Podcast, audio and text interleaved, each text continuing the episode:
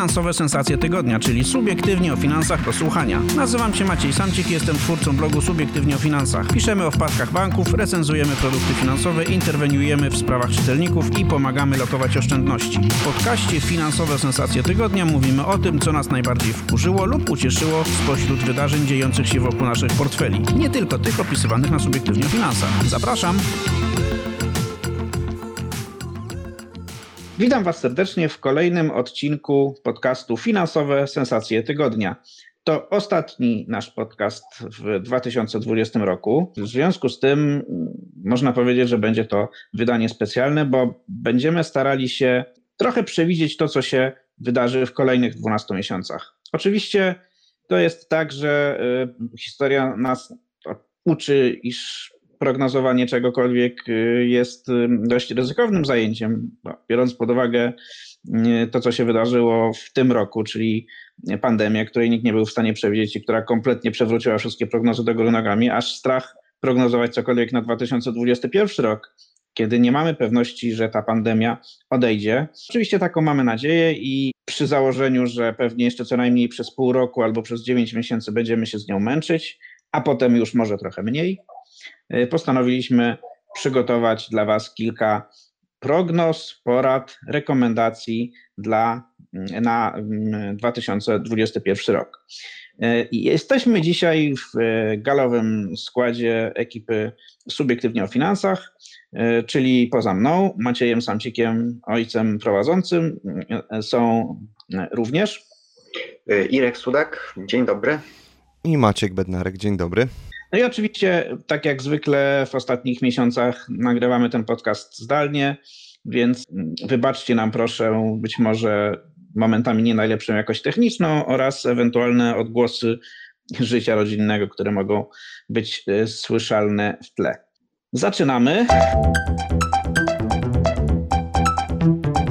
Chciałbym na początek rzucić kilka porad dotyczących tego, co powinniśmy robić z pieniędzmi w 2021 roku. Powiem szczerze, będzie, będę na ten temat pisał mm, tekst na subiektywnie o finansach, w którym pewnie będzie więcej szczegółów, bo to jest jednak taki temat y, bardziej się nadający na referat pisany niż mówiony, ale mimo wszystko kilka takich y, podstawowych rzeczy chciałbym powiedzieć, które dotyczą naszych portfeli i tego, co powinniśmy z nimi robić. Y, pierwsza i najważniejsza rzecz, to jest moim zdaniem kwestia zabezpieczenia się przed inflacją. Otóż uważam, że inflacja w 2021 roku będzie wciąż wysoka. Dzisiaj wynosi mniej więcej 3%, a według metodologii czy metodyki Unii Europejskiej nawet y, więcej. I wydaje mi się, że lepiej nie będzie. I co to oznacza dla naszych pieniędzy? Otóż trzeba szukać dla przynajmniej części oszczędności alternatywy poza bankiem. O tym już mówię od kilku miesięcy, ale tych alternatyw, tych możliwości się coraz więcej otwiera i warto zwracać na nie uwagi. Coraz więcej banków daje możliwość inwestowania w ramach konta bankowego, daje, daje możliwość tworzenia kont maklerskich w ramach rachunków, czy też właśnie w zgrzewce z rachunkami e, osobistymi. Jest y, też dość łatwy internetowy dostęp do inwestowania w obligacje skarbowe. Jest y, kilka fajnych możliwości inwestowania w fundusze obligacji i każda z tych możliwości jest moim zdaniem lepsza niż trzymanie 100% pieniędzy w banku. Y, dzisiaj dobrze inwestując y, część oszczędności w obligacje skarbowe, które można kupić przez internet, poprzez stronę www.obligacjeskarbowe.pl możemy wycisnąć z naszych oszczędności 3, nawet 4% w skali roku, jeśli zainwestujemy długoterminowo i warto naprawdę z tej opcji skorzystać.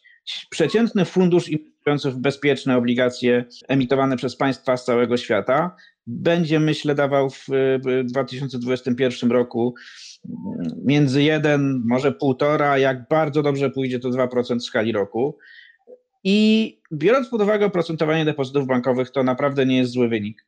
Powinniśmy no ja już oczywiście nie mówię o takich ekstrawagancjach dla większości Polaków, jak po prostu inwestowanie na rynku kapitałowym, bo to jest temat na oddzielną dyskusję i oczywiście to też warto się z tym zaprzyjaźniać. Natomiast to, na co powinniście zwrócić w 2021 roku uwagę, to są obligacje. Obligacje polskiego rządu, obligacje rządów światowych, w które możemy inwestować za pomocą funduszy inwestycyjnych, bo to jest ta rzecz, która może nam pomóc w zabezpieczeniu się przed y, tą wysoką inflacją, zabezpieczeniu naszych oszczędności. No ja mam taką cichą nadzieję, że wśród tych obligacji pojawią się też takie obligacje, które są emitowane przez najbardziej znane, największe, najpotężniejsze polskie korporacje takie przypadki już były w przeszłości. Gdyby na przykład któraś z największych korporacji polskich wyemitowała obligacje, to ja bardzo chętnie bym w nie zainwestował, bo na pewno byłby z tego wyższy dochód, a porównywalnie bezpieczny niż z takiego trzymania pieniędzy na koncie bankowym. No na pewno większy, bo oprocentowanie obligacji porządnej firmy to jest myślę jakieś między pół a 1% w skali roku. Więc y, taka y, możliwość, by, y, gdyby się pojawiła, ja bym na pewno chętnie z niej skorzystał. Druga rada, którą mam dla Was na 2021 rok, to jest to, żebyście spróbowali pomyśleć o ścięciu domowych rachunków. Koszty utrzymania naszych domów, mieszkań, gospodarstw domowych rosną i rosnąć będą. Jeszcze o tym będziemy opowiadać w dalszej części tego podcastu, ale to jest to, o czym warto pamiętać. To znaczy, w tym roku i w przyszłym roku, w 2021, bardzo ważne będzie panowanie nad domowymi rachunkami, domowymi e, kosztami utrzymania gospodarstwa domowego, bo one, bo tutaj będzie największy ból, że to się po prostu wszystko, że to zacznie rozsadzać nasze domowe e, budżety. Po trzecie, chciałbym Was poprosić o to, żebyście zrobili przegląd elastyczności domowego budżetu. Sytuacja będzie przez najbliższe miesiące na pewno niestabilna. Nie wiemy tak naprawdę, czy ten odłożony wzrost, y, czy nastąpi ten odłożony wzrost bezrobocia, który, o którym się mówi. No on, o, jego oficjalnie tak naprawdę nie widać, bo gusowskie wskaźniki bezrobocia są na niskim poziomie. Natomiast y, jak tak słucham znajomych, słucham przedstawicieli firm i, i chodzę po mieście i, i, rozmawiam z ludźmi, to widzę, że bardzo dużo ludzi jednak traci pracę albo traci część dochodów. Y, to, tego nie widać w statystykach, ale to się dzieje. Więc to, co, mm, to, o czym każdy dzisiaj powinien pamiętać, to to, żeby mieć jak największą w domowym budżecie, jak najmniejszą część takich sztywnych kosztów, których się nie da zredukować w sytuacji kryzysowej. Im większa część waszego budżetu będzie złożona z takich, no, w jakimś sensie manewrowalnych wydatków, czyli czegoś, co da się ewentualnie zbić w razie potrzeby, tym lepiej. I ostatnia moja szybka rada na 2021 rok dotyczy płynności finansowej.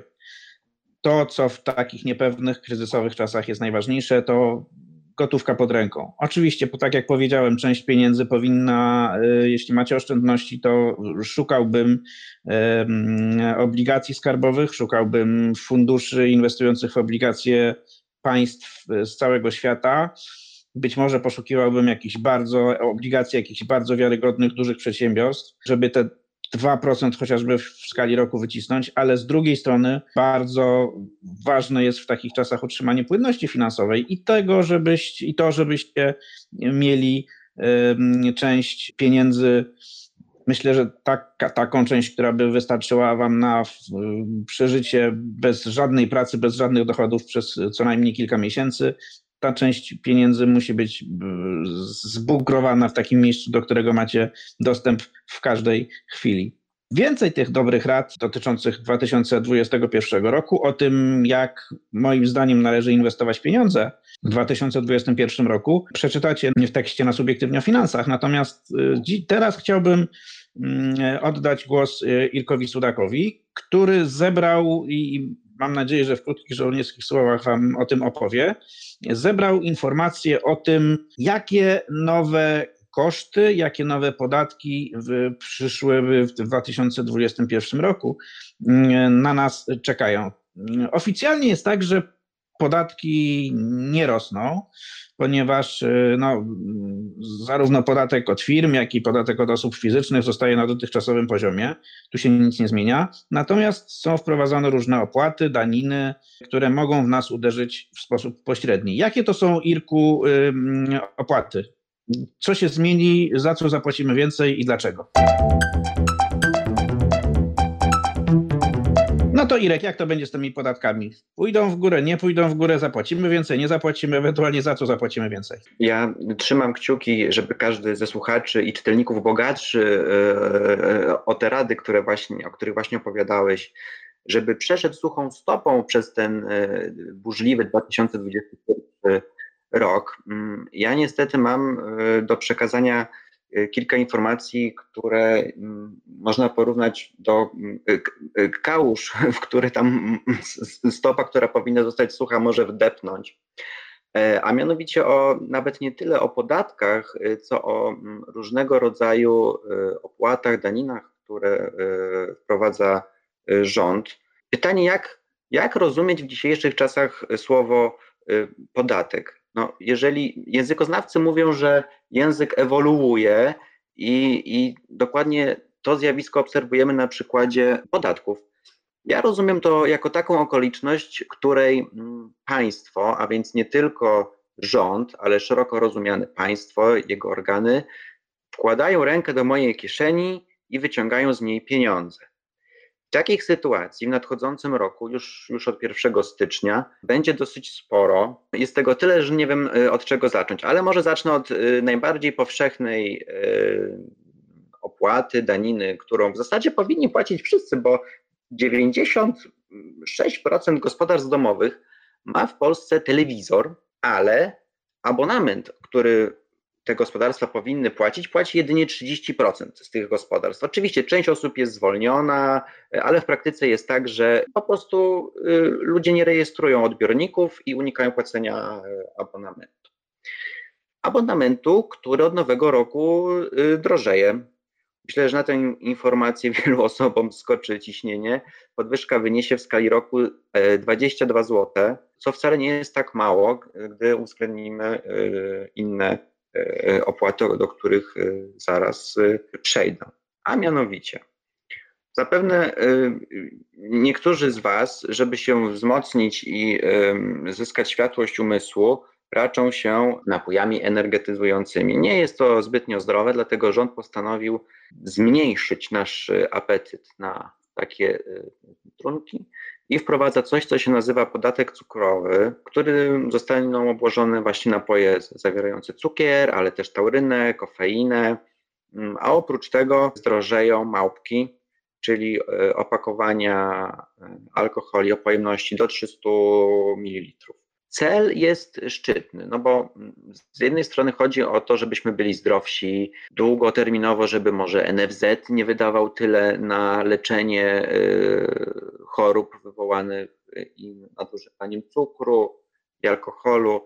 No, ale jak to zwykle bywa, y, dobre chęci nie wystarczą, bo rodzi się y, pytanie i obawa, czy nie chodzi po prostu o zwiększenie wpływów budżetowych, a trzeba wiedzieć, że pieniądze, mimo że nie trafiają bezpośrednio z tych podatków, bezpośrednio do budżetu, y, bo trafiają na przykład do NFZ-u albo do budżetu samorządów, to y, jednak y, na końcu tej drogi może być tak, że rząd nie będzie musiał aż tak bardzo dotować Narodowego Funduszu Zdrowia, w związku z czym zaoszczędzi powiedzmy no, kilkaset milionów do 3 miliardów e, złotych, bo tyle maksymalnie mają wynieść wpływy z tej nowej e, opłaty cukrowo-alkoholowej. Rząd jest kreatywny w wprowadzaniu nowych para podatków czy podatków pośrednich, ale producenci też są mm, bardzo kreatywni. Już się pojawiły informacje, że małpki będą sprzedawane po prostu w większych y, opakowaniach i w ten sposób y, unikniemy zapłacenia tego podatku.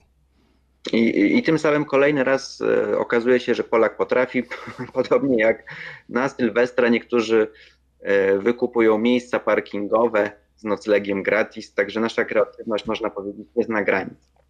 Może powinniśmy e... przygotować taki ranking e, kreatywności Polaków w czasie pandemii bo tego, tego było bardzo dużo, tak? Pamiętacie też na przykład siłownie, e, fitness, teraz hotele, teraz małpki. Myślę, że jesteśmy tutaj pod tym względem czempionami, co jednak no, są niestety, Maćku, takie opłaty, przed którymi nie da się uciec.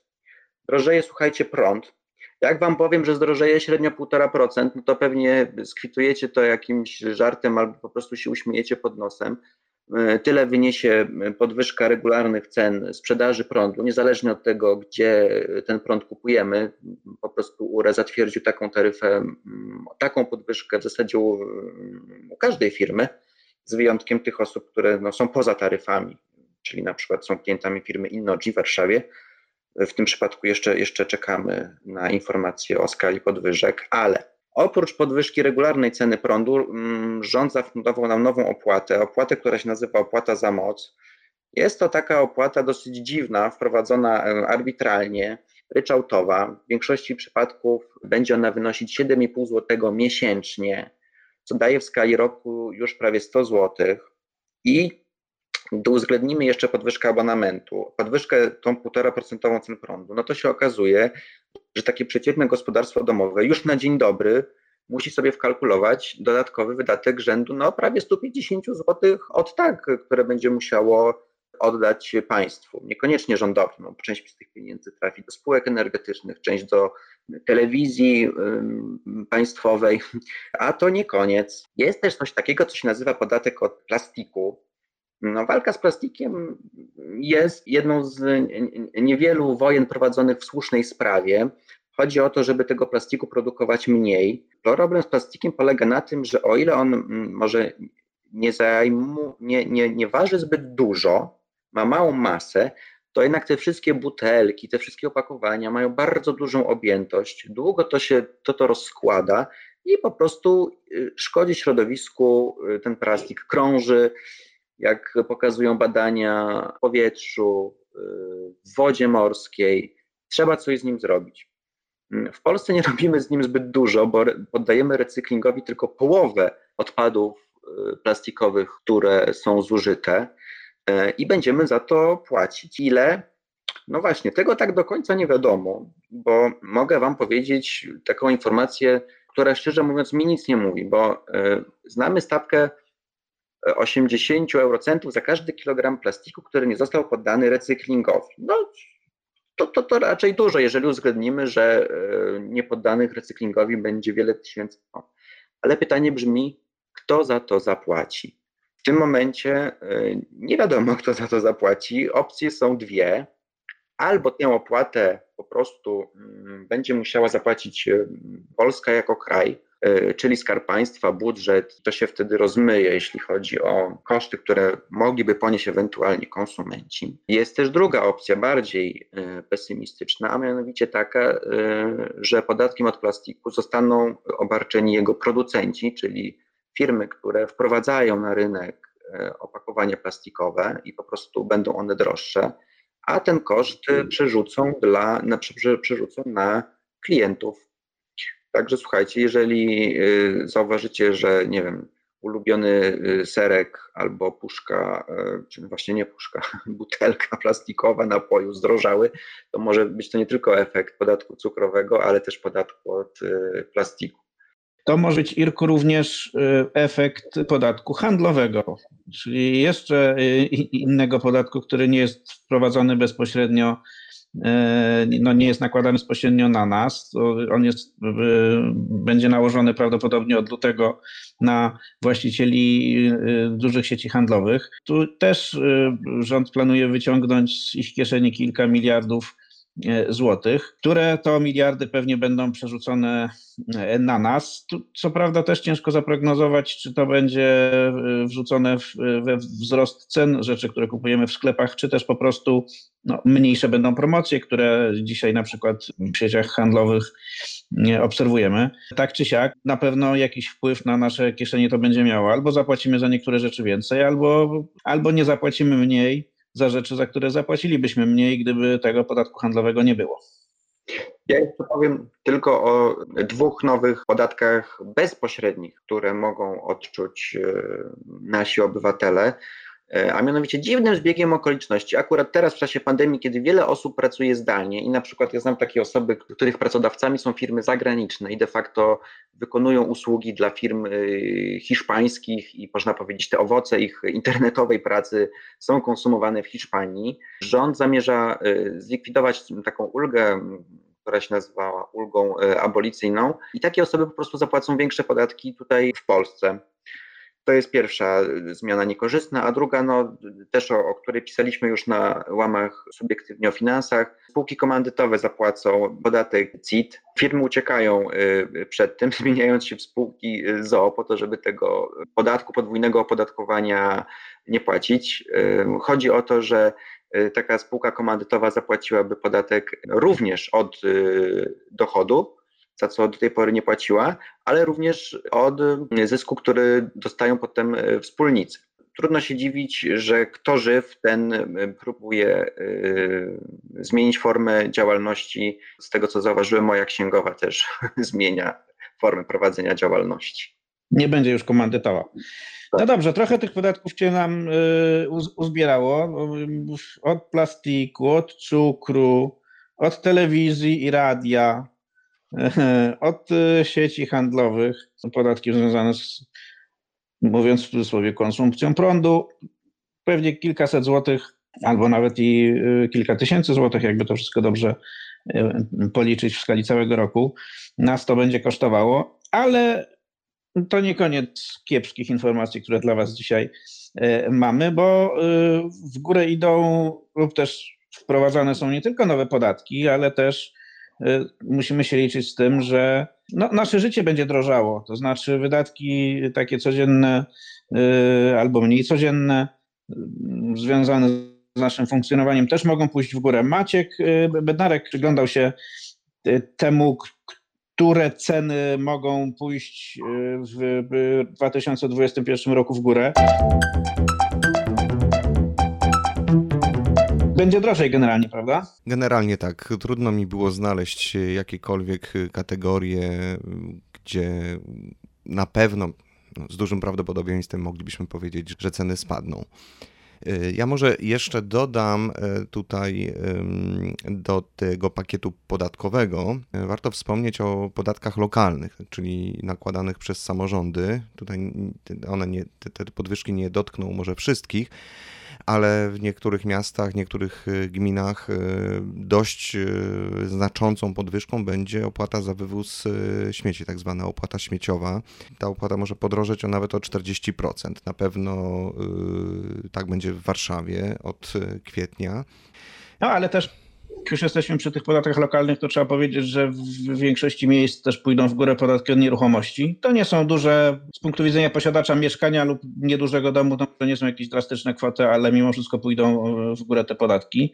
W górę też y, idą takie opłaty, jak na przykład opłata za parkowanie. Ja wiem, że na przykład Warszawa od początku 2021 roku wprowadza y, podwyżki y, za pierwsze godziny parkowania. Zdaje się, że prawie 4 zł za godzinę teraz będą warszawiacy płacili za, za parkowanie i to nie jest wcale tak najwięcej, bo y, jeśli się nie mylę, to w moim rodzinnym Poznaniu już się płaci za pierwszą godzinę parkowania 7 zł. Warszawiacy będą też płacili za parkowanie dłużej, mianowicie tak jak teraz po 18 już te opłaty przestają być naliczane, tak teraz będą naliczane aż do godziny 20. No to też taka powiedzmy zawoalowany podatek w jakimś sensie, podatek y, od y, tego, ile miejsca na, w centrach miast zajmujemy naszymi samochodami. No już nie wchodząc w, w rozmowę, czy to jest y, dobrze czy źle, że włodarze miast starają się nas zniechęcić do wjeżdżania samochodami do centrów. Obiektywna prawda jest taka, że to, że to będzie kolejna rzecz, za którą zapłacimy więcej. A skoro jesteśmy już przy parkowaniu, przy samochodach, to może dwa słowa o, o paliwie. To wszystko zależy od tego, jak się rozwinie pandemia, sytuacja pandemiczna, kiedy, kiedy ta pandemia się skończy, czy, czy szczepionka y, ją powstrzyma. Przez najbliższe miesiące, powiedzmy pół roku, właściwie wie, wiele prognoz y, wychodzi z takiego, takiego założenia, że wszystko y, się skończy w połowie roku i będziemy się rozwijać jak przed pandemią mniej więcej od, od wakacji, jesienią wszystko ruszy, inwestycje, konsumpcja i tak dalej. Więc jeżeli, jeżeli takie założenie jest prawdziwe, no to z cenami paliw nie powinno się nic dziać przez, przez mniej więcej pół roku, czyli będziemy płacić mniej więcej tyle, tyle co teraz. Jeśli chodzi o no, 95, no to, no to 4,50, 4,30, nie wiem jak, jak jest u Was. Kilka miesięcy temu to cena spadła nawet poniżej 4 zł. Na, na stacjach takich regularnych, nie mówię o, mm, o stacjach benzynowych przy marketach, gdzie jest e, generalnie taniej. No ale jeżeli pandemia odpuści, no to musimy się liczyć też ze wzrostem e, cen benzyny. Przy okazji zła wiadomość dla mm, osób, które planują kupić nowy, nowy samochód. E, tutaj analitycy przewidują wzrost cen. Mm, to jest spowodowane też może nie, nie, nie nałożeniem podatków, a wymogów unijnych dotyczących emisji spalin, ale też bezpieczeństwa. Samochody po prostu to minimum wyposażenia, które odpowiedzialne jest za bezpieczeństwo po prostu rośnie a to oznacza po prostu wyższe koszty dla producentów, więc mniej więcej średnio o 10% nowe samochody w przyszłym roku mogą podrożeć. Kolejna rzecz to opłaty bankowe. Właściwie trzeba się spodziewać kontynuacji trendu z tego roku, y, kiedy no, większość banków no, początkowo nie śmiało, ale zaczęło podnosić opłaty za, y, za obsługę w oddziałach, y, opłaty za prowadzenie konta osobistego, kart debetowych, rosną opłaty za wypłaty z bankomatu. Także te banki, które jeszcze ich nie podniosły, trzeba pamiętać, że kilka banków ogłosiło te podwyżki, ale one będą wprowadzane dopiero w lutym, marcu, kwietniu. No jeszcze Maciek, y, wydaje mi się, że trzeba powiedzieć, że kto najbardziej ucierpi na tych opłatach, na tym wzroście, y, to, to co ja widzę i o czym do mnie piszą ludzie, nie do ciebie też piszą, to, jest, y, to są gigantyczne wzrosty różnych opłat dla przedsiębiorców. To znaczy to, co się dzieje z cenami usług bankowych dla firm, to jest jakiś horror. Ja ostatnio zauważyłem, że mój bank zaczął pobierać opłaty za to, że przelałem z jednego swojego konta firmowego na drugie swoje konto osobiste pieniądze, tak? To, to jest de facto przelew wewnętrzny, bo w, w ramach jednego banku i oni za to zaczęli brać prowizję. Wyciągnąłem pieniądze z bankomatu kartą firmową i patrzę, kilkanaście złotych prowizji. Tak? No, to, to są rzeczy, yy, no, może, no, gdybym powiedział niesłychane, to, to bym może przesadził, tak? bo yy, przedsiębiorcy są gdojnymi krowami bankowców od lat kilku co najmniej, bo ich tutaj nie chroni żelazne ramię Urzędu Ochrony Konkurencji i Konsumentów, czy tam rzecznik finansowy. E, natomiast to, co się teraz zaczęło z tymi opłatami dla firm dziać, to jest jakiś, to już jest horror. I będziemy się temu przyglądać, Maciek, myślę. Y, takie możemy poczynić zobowiązanie solidarne y, wobec naszych czytelników i będziemy Was ostrzegać przed, y, przed tym horrorem. Firmy już od, od lat płacą na przykład za któryś tam z kolei przelew, więc niewykluczone, że to że ten schemat, ten model opłat i prowizji zostanie no, częściowo przenoszony na ten rynek właśnie detaliczny. Być może będzie, no dzisiaj, dzisiaj trudno sobie wyobrazić, że, że, że za przelew zrobiony przez internet, musimy płacić, ale niewykluczone, że, będzie, że będziemy mieć na przykład pięć takich przelewów w miesiącu darmowych, a potem za każdy kolejny trzeba będzie płacić. No zobaczymy. Na pewno y, te opłaty wzrosną. Oto nastała nowa normalność, jeśli chodzi o opłaty bankowe. Ja potwierdzam i się podpisuję po tym, co powiedzieliście. Zdaje się, że wczoraj zajrzałem e, na konto firmowe a tam e, pierwszy raz od kiedy zostało założone, została pobrana opłata za jego prowadzenie ponad 7, ponad 7 zł. A może jakiegoś warunku nie spełniłeś? Nie, nie, właśnie, właśnie tym rzecz, że konto było darmowe, konto było darmowe i przestało być darmowe. A ja ostatnio zobaczyłem, co prawda nie na swoim wyciągu, ale na wyciągu y, znajomego, opłatę za kontynuację limitu debetowego, czy takiego kredytu odnawialnego, to było, zdaje się, 800 zł, no jakaś taka gigantyczna opłata. I tak patrzę, patrzę, co to się stało i czy tam nie ma jakiejś pomyłki, czy się bankowi jedno zero nie, nie pomnożyło. E, ale jak zobaczyłem, że bank wprowadził opłatę w wysokości tam 4 czy 4,5% wartości e, tego limitu, no to jeśli ten limit tam wynosi kilkadziesiąt tysięcy, tam 20 czy 30 tysięcy, no to sobie policzcie 4% od tego albo 4,5 e, to już są grube setki złotych, więc e, radzę wszystkim, żebyś, żeby, żeby sprawdzili, jaki, jeśli mają, jeśli korzystają z limitu odnawialnego w rachunku, żebyście sprawdzili, ile ten limit u Was wynosi i żebyście sprawdzili, czy Wasz bank nie podniósł ostatnio e, prowizji za przedłużenie o każdy kolejny rok tego limitu, bo tu może naprawdę tak uderzyć po kieszeni, że się przewrócicie. Nasze y, zobowiązanie tak to przyjrzeć się opłatom dla firm, ale też y, tak jak w poprzednim podcaście już obiecaliśmy, będziemy też inaczej prezentować oferty banków. Zresztą już, już taki tekst napisałem, możecie go przeczytać na subiektywnie, y, czyli pokazałem po prostu ile kosztuje konto, karta, czyli te podstawowe opłaty, jeżeli nie spełnimy żadnych warunków. No, zobaczycie po prostu na ile trzeba się przygotować, jeżeli, jeżeli tych, tych norm nie wyrobicie. I tak trzeba, tak trzeba chyba E, e, patrzeć na, mm, na finanse bankowe. No tak, a te normy są teraz już coraz bardziej podkręcone, bo to, to się tak wydaje, bo na przykład kiedyś wystarczyło raz zapłacić kartą, żeby, nie za, żeby rachunek był za darmo, potem trzeba było zapłacić 200 zł w ciągu miesiąca, a teraz są banki, które mają próg typu 350, 500, 1000 zł. No, wydać kartę 1000 zł w skali miesiąca, to z punktu widzenia mieszkańca Warszawy, który generalnie spędza czas podróżując między centrami handlowymi, to może nie jest, yy, chociaż one są teraz zamknięte, więc to zaczyna być problem, ale jak były otwarte, to jeszcze nie był problem. Natomiast yy, powiem szczerze, ja kiedyś widziałem takie dane, że, z których wynikało, że przeciętny posiadacz karty płatniczej tam wydaje nią w skali miesiąca 200-250 zł, no bo jednak sporo, za sporo rzeczy płacimy gotówką, czasami idziemy do, na bazarek albo do jakiegoś sklepiku osiedlowego. To nie jest tak, że, że nic innego nie robimy, tylko płacimy kartą. Żeby te pieniądze wypłacić z bankomatu, też ryzykujemy teraz coraz częściej prowizją. No i karty kredytowe. Karty kredytowe też pamiętajcie, ja y, na wszystkich swoich kartach kredytowych, a mam kilka, zobaczyłem, że już się tam zaczynają robić y, opłaty za y, albo takie bezwzględne za posiadanie tej karty, kilka, kilkanaście albo no, kilkanaście złotych miesięcznie, albo, albo takie no, za niewyrobienie jakiegoś limitu obrotów.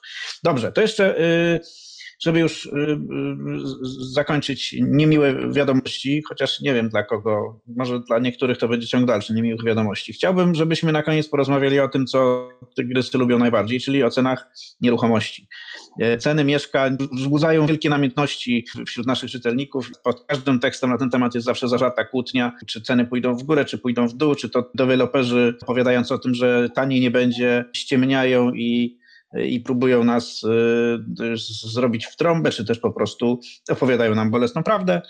No, y, porozmawiamy, krótko mówiąc, teraz o tym, co w 2021 roku stanie się z cenami nieruchomości.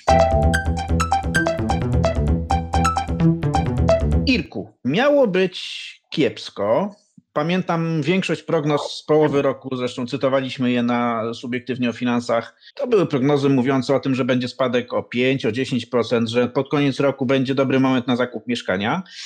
Wygląda na to z takich danych y, y, statystycznych, globalnych, które mamy, wynika, że nic takiego się nie stało.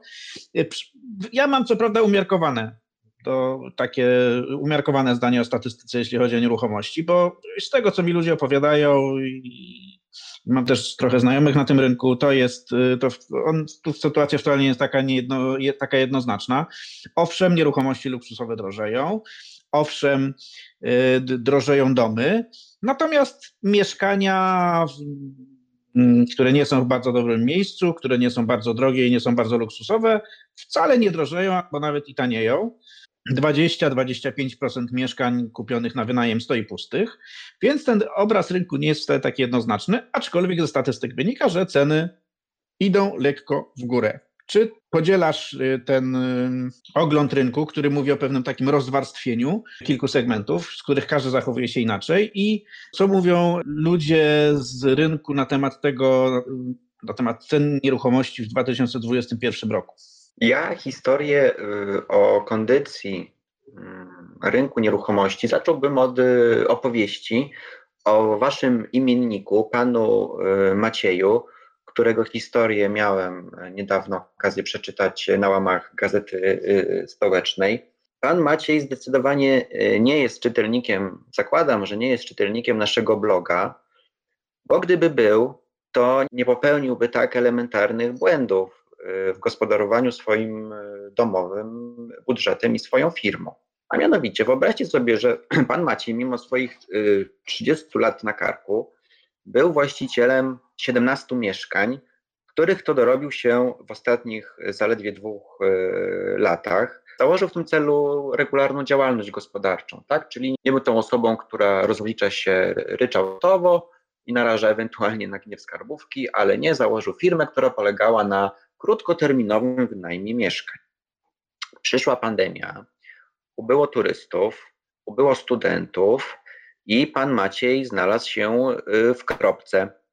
Y, jego problemy finansowe były i są w zasadzie na tyle duże, że zorganizował zbiórkę w internecie, y, jak sam mówi, na życie. Po prostu nie ma żadnych przychodów, ma za to koszty, których sam mówi wynoszą 30 tysięcy złotych miesięcznie. Są to koszty utrzymania tych wszystkich lokali i został bez środków y, do życia. Wyprzedaje swój y, majątek, no ale chłopina nie może się pozbierać. I... ale, a mieszkań nie chce sprzedać?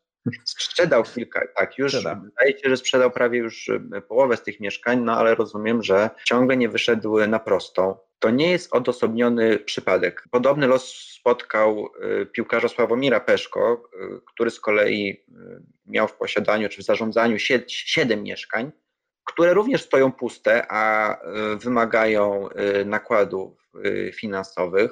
No i słuchajcie, jest problem jest problem z rynkiem e, najmu. O ile, tak jak powiedziałeś, rynek nieruchomości podzielił się, w zasadzie on był zawsze podzielony na, na, na segmenty nieruchomości luksusowe, te położone w superlokalizacjach i w takich lokalizacjach powiedzmy trzecio-czwartorzędnych, to jeśli spojrzymy rzeczywiście na dane statystyczne, no to one pokazują, że ten, kto liczył na to, że w pandemii ceny spadną, to się przeliczył. Y, licząc rok do roku mm, z danych transakcyjnych, zaznaczmy, wynika, że one wzrosły w zależności od miasta, no powiedzmy o 6-8%. Jest to trochę mniej niż przed pandemią, bo przed pandemią ten wzrost wynosił 10, aż 10%. Także ta dynamika nieco spadła, no ale wydaje mi się, że jednak nie tego oczekiwała spora grupa y, kupujących mieszkania, a przynajmniej y, kupujących na własne potrzeby, a nie z myślą o inwestycji. I teraz tak, zastanówmy się, jeśli chodzi o prognozy. No, mm, jest tak, jak powiedziałeś, duże banki, analitycy dużych, największych banków w Polsce prognozowali, że na koniec tego roku te spadki miały wynieść no nawet 10 i więcej y, procent. Nic takiego się nie stało, przynajmniej jeśli chodzi o statystyki.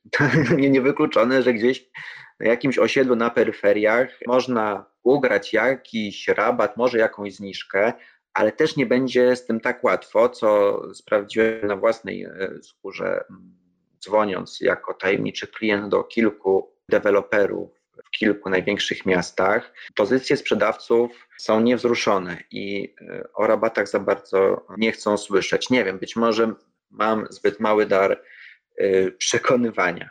A co będzie w tym roku? Ciąg dalszych wzrostów, czy jednak zatrzymanie? No, musimy założyć, przyjąć jakieś założenie, że jednak y, to, że mamy szczepionkę na COVID-19 y, pozwoli przynajmniej pod koniec przyszłego roku wrócić do jakiejś przynajmniej ograniczonej normalności. Co dzisiaj mówią analitycy? No, oczywiście trzeba przyjąć też y, takie, takie założenie drugie, że że rynek nieruchomości o, o, na, na, wszystkie szoki reaguje z dużym opóźnieniem. To znaczy to, że my dzisiaj nie mamy reakcji na, na COVID wynika po prostu z tego, że ten szok covidowy był za krótki. Rynek nieruchomości potrzebuje te 4 do 6 kwartałów, 6 kwartałów, żeby zareagować na, e, na jakiś dramat, który się dzieje w gospodarce. Może jest tak, że taki właśnie dwu, trzy kwartałowy kłopot e, w, w postaci COVID-u, to to jest coś, czego rynek nieruchomości nie zauważy, bo to za krótko, tak? No być może to musiałoby dłużej trwać, być głębsze i wtedy byłoby jakieś załamanie. Co, co mówią na ten temat analitycy? Jest tak, że od starożytności nie za bardzo darzy się sympatią te osoby, które przynoszą złe wieści. Nie mam dobrych wieści. W zasadzie jest jedna okoliczność, która e, mogłaby sprzyjać spadkowi cen mieszkań, a przynajmniej jest to okoliczność, o której mówią e, eksperci. A mianowicie e, kryzys, potężny kryzys gospodarczy, kolejne fale pandemii, spadek koniunktury i w konsekwencji spadek popytu na mieszkania. To jest w zasadzie ten scenariusz, który mógłby spowodować dalszą, znaczy dalszą, no, fundamentalną przecenę stawek za metr kwadratowy mieszkań. Innych okoliczności w zasadzie analitycy y, na ten moment nie widzą. No jeszcze pan, panowie Macieje jeszcze mogą, jeśli takich Maciejów będzie więcej, którzy muszą sprzedawać mieszkanie, bo nie są w stanie y, ich utrzymywać jak, jak, jako pustych, no to, to, to też może, może wpłynąć na rynek nieruchomości. Jednak trzeba powiedzieć, że myślę, że połowa mieszkań w zeszłych latach była kupowana z myślą o zysków, zyskach y, z najmu. Pytanie, w jakiej kondycji finansowej są ludzie, którzy to kupili i pytanie, czy, y, no jak długo są w stanie utrzymywać te, te mieszkania mimo strat. To też właściwie jest pytanie o to, jak długo potrwa kryzys. Jeżeli chodzi o liczbę e, mieszkań wystawianych na sprzedaż z rynku wtórnego, to rzeczywiście na portalach e, ogłoszeniowych jest duży wzrost. Jak i czy to się przełoży na ceny, to jest właśnie być może jedno z ważniejszych pytań, jeśli chodzi o to, w którą stronę będą podążać ceny. Co ciekawe, w zasadzie to śledząc te historie pana Macieja i pana Peszko, można było to przewidzieć, a mianowicie y, tanieje najem.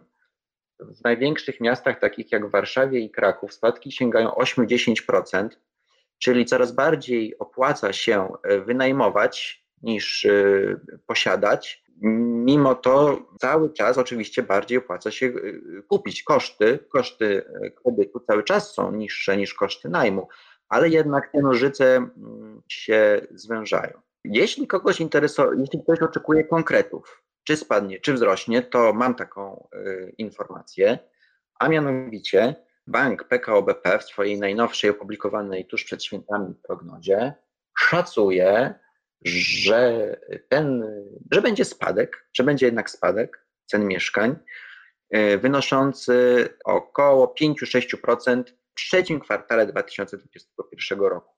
Co to, jak to rozumieć, co to znaczy, to próbowałem to e, ustalić, natomiast jest to po prostu taka, e, rozumiem, liczba symbol, bo nie wiemy o jakich nieruchomościach mowa, w jakich miastach i na jakich rynkach. No, natomiast jest to, jest to jakiś promyczek nadziei, który może zwiastować no, może jakieś większe y, ruchy na tym y, jakże trudnym rynku. No tak, y, sytuacja na rynku mieszkaniowym jest o tyle niejednoznaczna, że z jednej strony wydaje się, że no, są mocne podstawy do tego, żeby przynajmniej mieszkania nie, nie drożały, a z drugiej strony jednak mamy zerowe stopy procentowe i ludzie, którzy nie wiedzą, co zrobić z pieniędzmi, nie mają wiedzy, Y, na temat lokowania kapitału na rynku kapitałowym, w obligacje, w ETF, w fundusze inwestycyjne, w akcje. No, jedyne, co im przychodzi do głowy, to po prostu kupić sobie nieruchomość.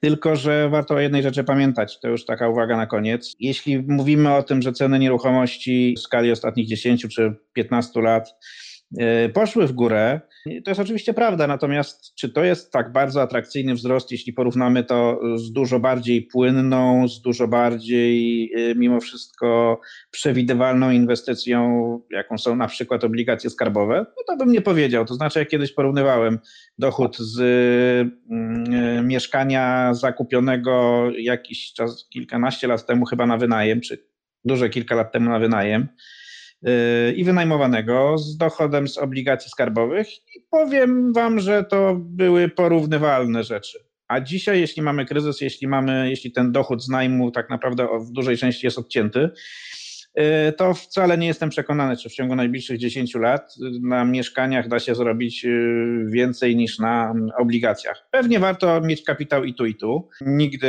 nie skreślałbym nieruchomości jako czegoś, co broni kapitału przed inflacją, ale też nie uważam, że jest to jedyne miejsce, gdzie można zarabiać pieniądze. Powiedziałeś, Irku, y, że, że nie, nie masz dobrych wiadomości yy, i że w zasadzie E, wcieliłeś się trochę w, w tę część naszych słuchaczy, którzy raczej chcieliby kupić mieszkanie po jakiejś niskiej cenie, ale pewnie są wśród nas e, także ci, którzy mają mieszkania i są zainteresowani żeby je, tym, żeby je wynająć albo żeby one zyskiwały na wartości. Wszystkim nie jesteśmy w stanie życzyć wszystkiego najlepszego, bo stoimy po różnych stronach barykady, ale zarówno tym, którzy mają nieruchomości, jak i tym, którzy ich nie mają, Ci tym, którzy wynajmują komuś i tym, którzy wynajmują od kogoś, życzymy mimo wszystko udanego Sylwestra, a przede wszystkim dużo zdrowia i dużo e, dobrych chwil i powrotu do normalności w 2022 2021 roku.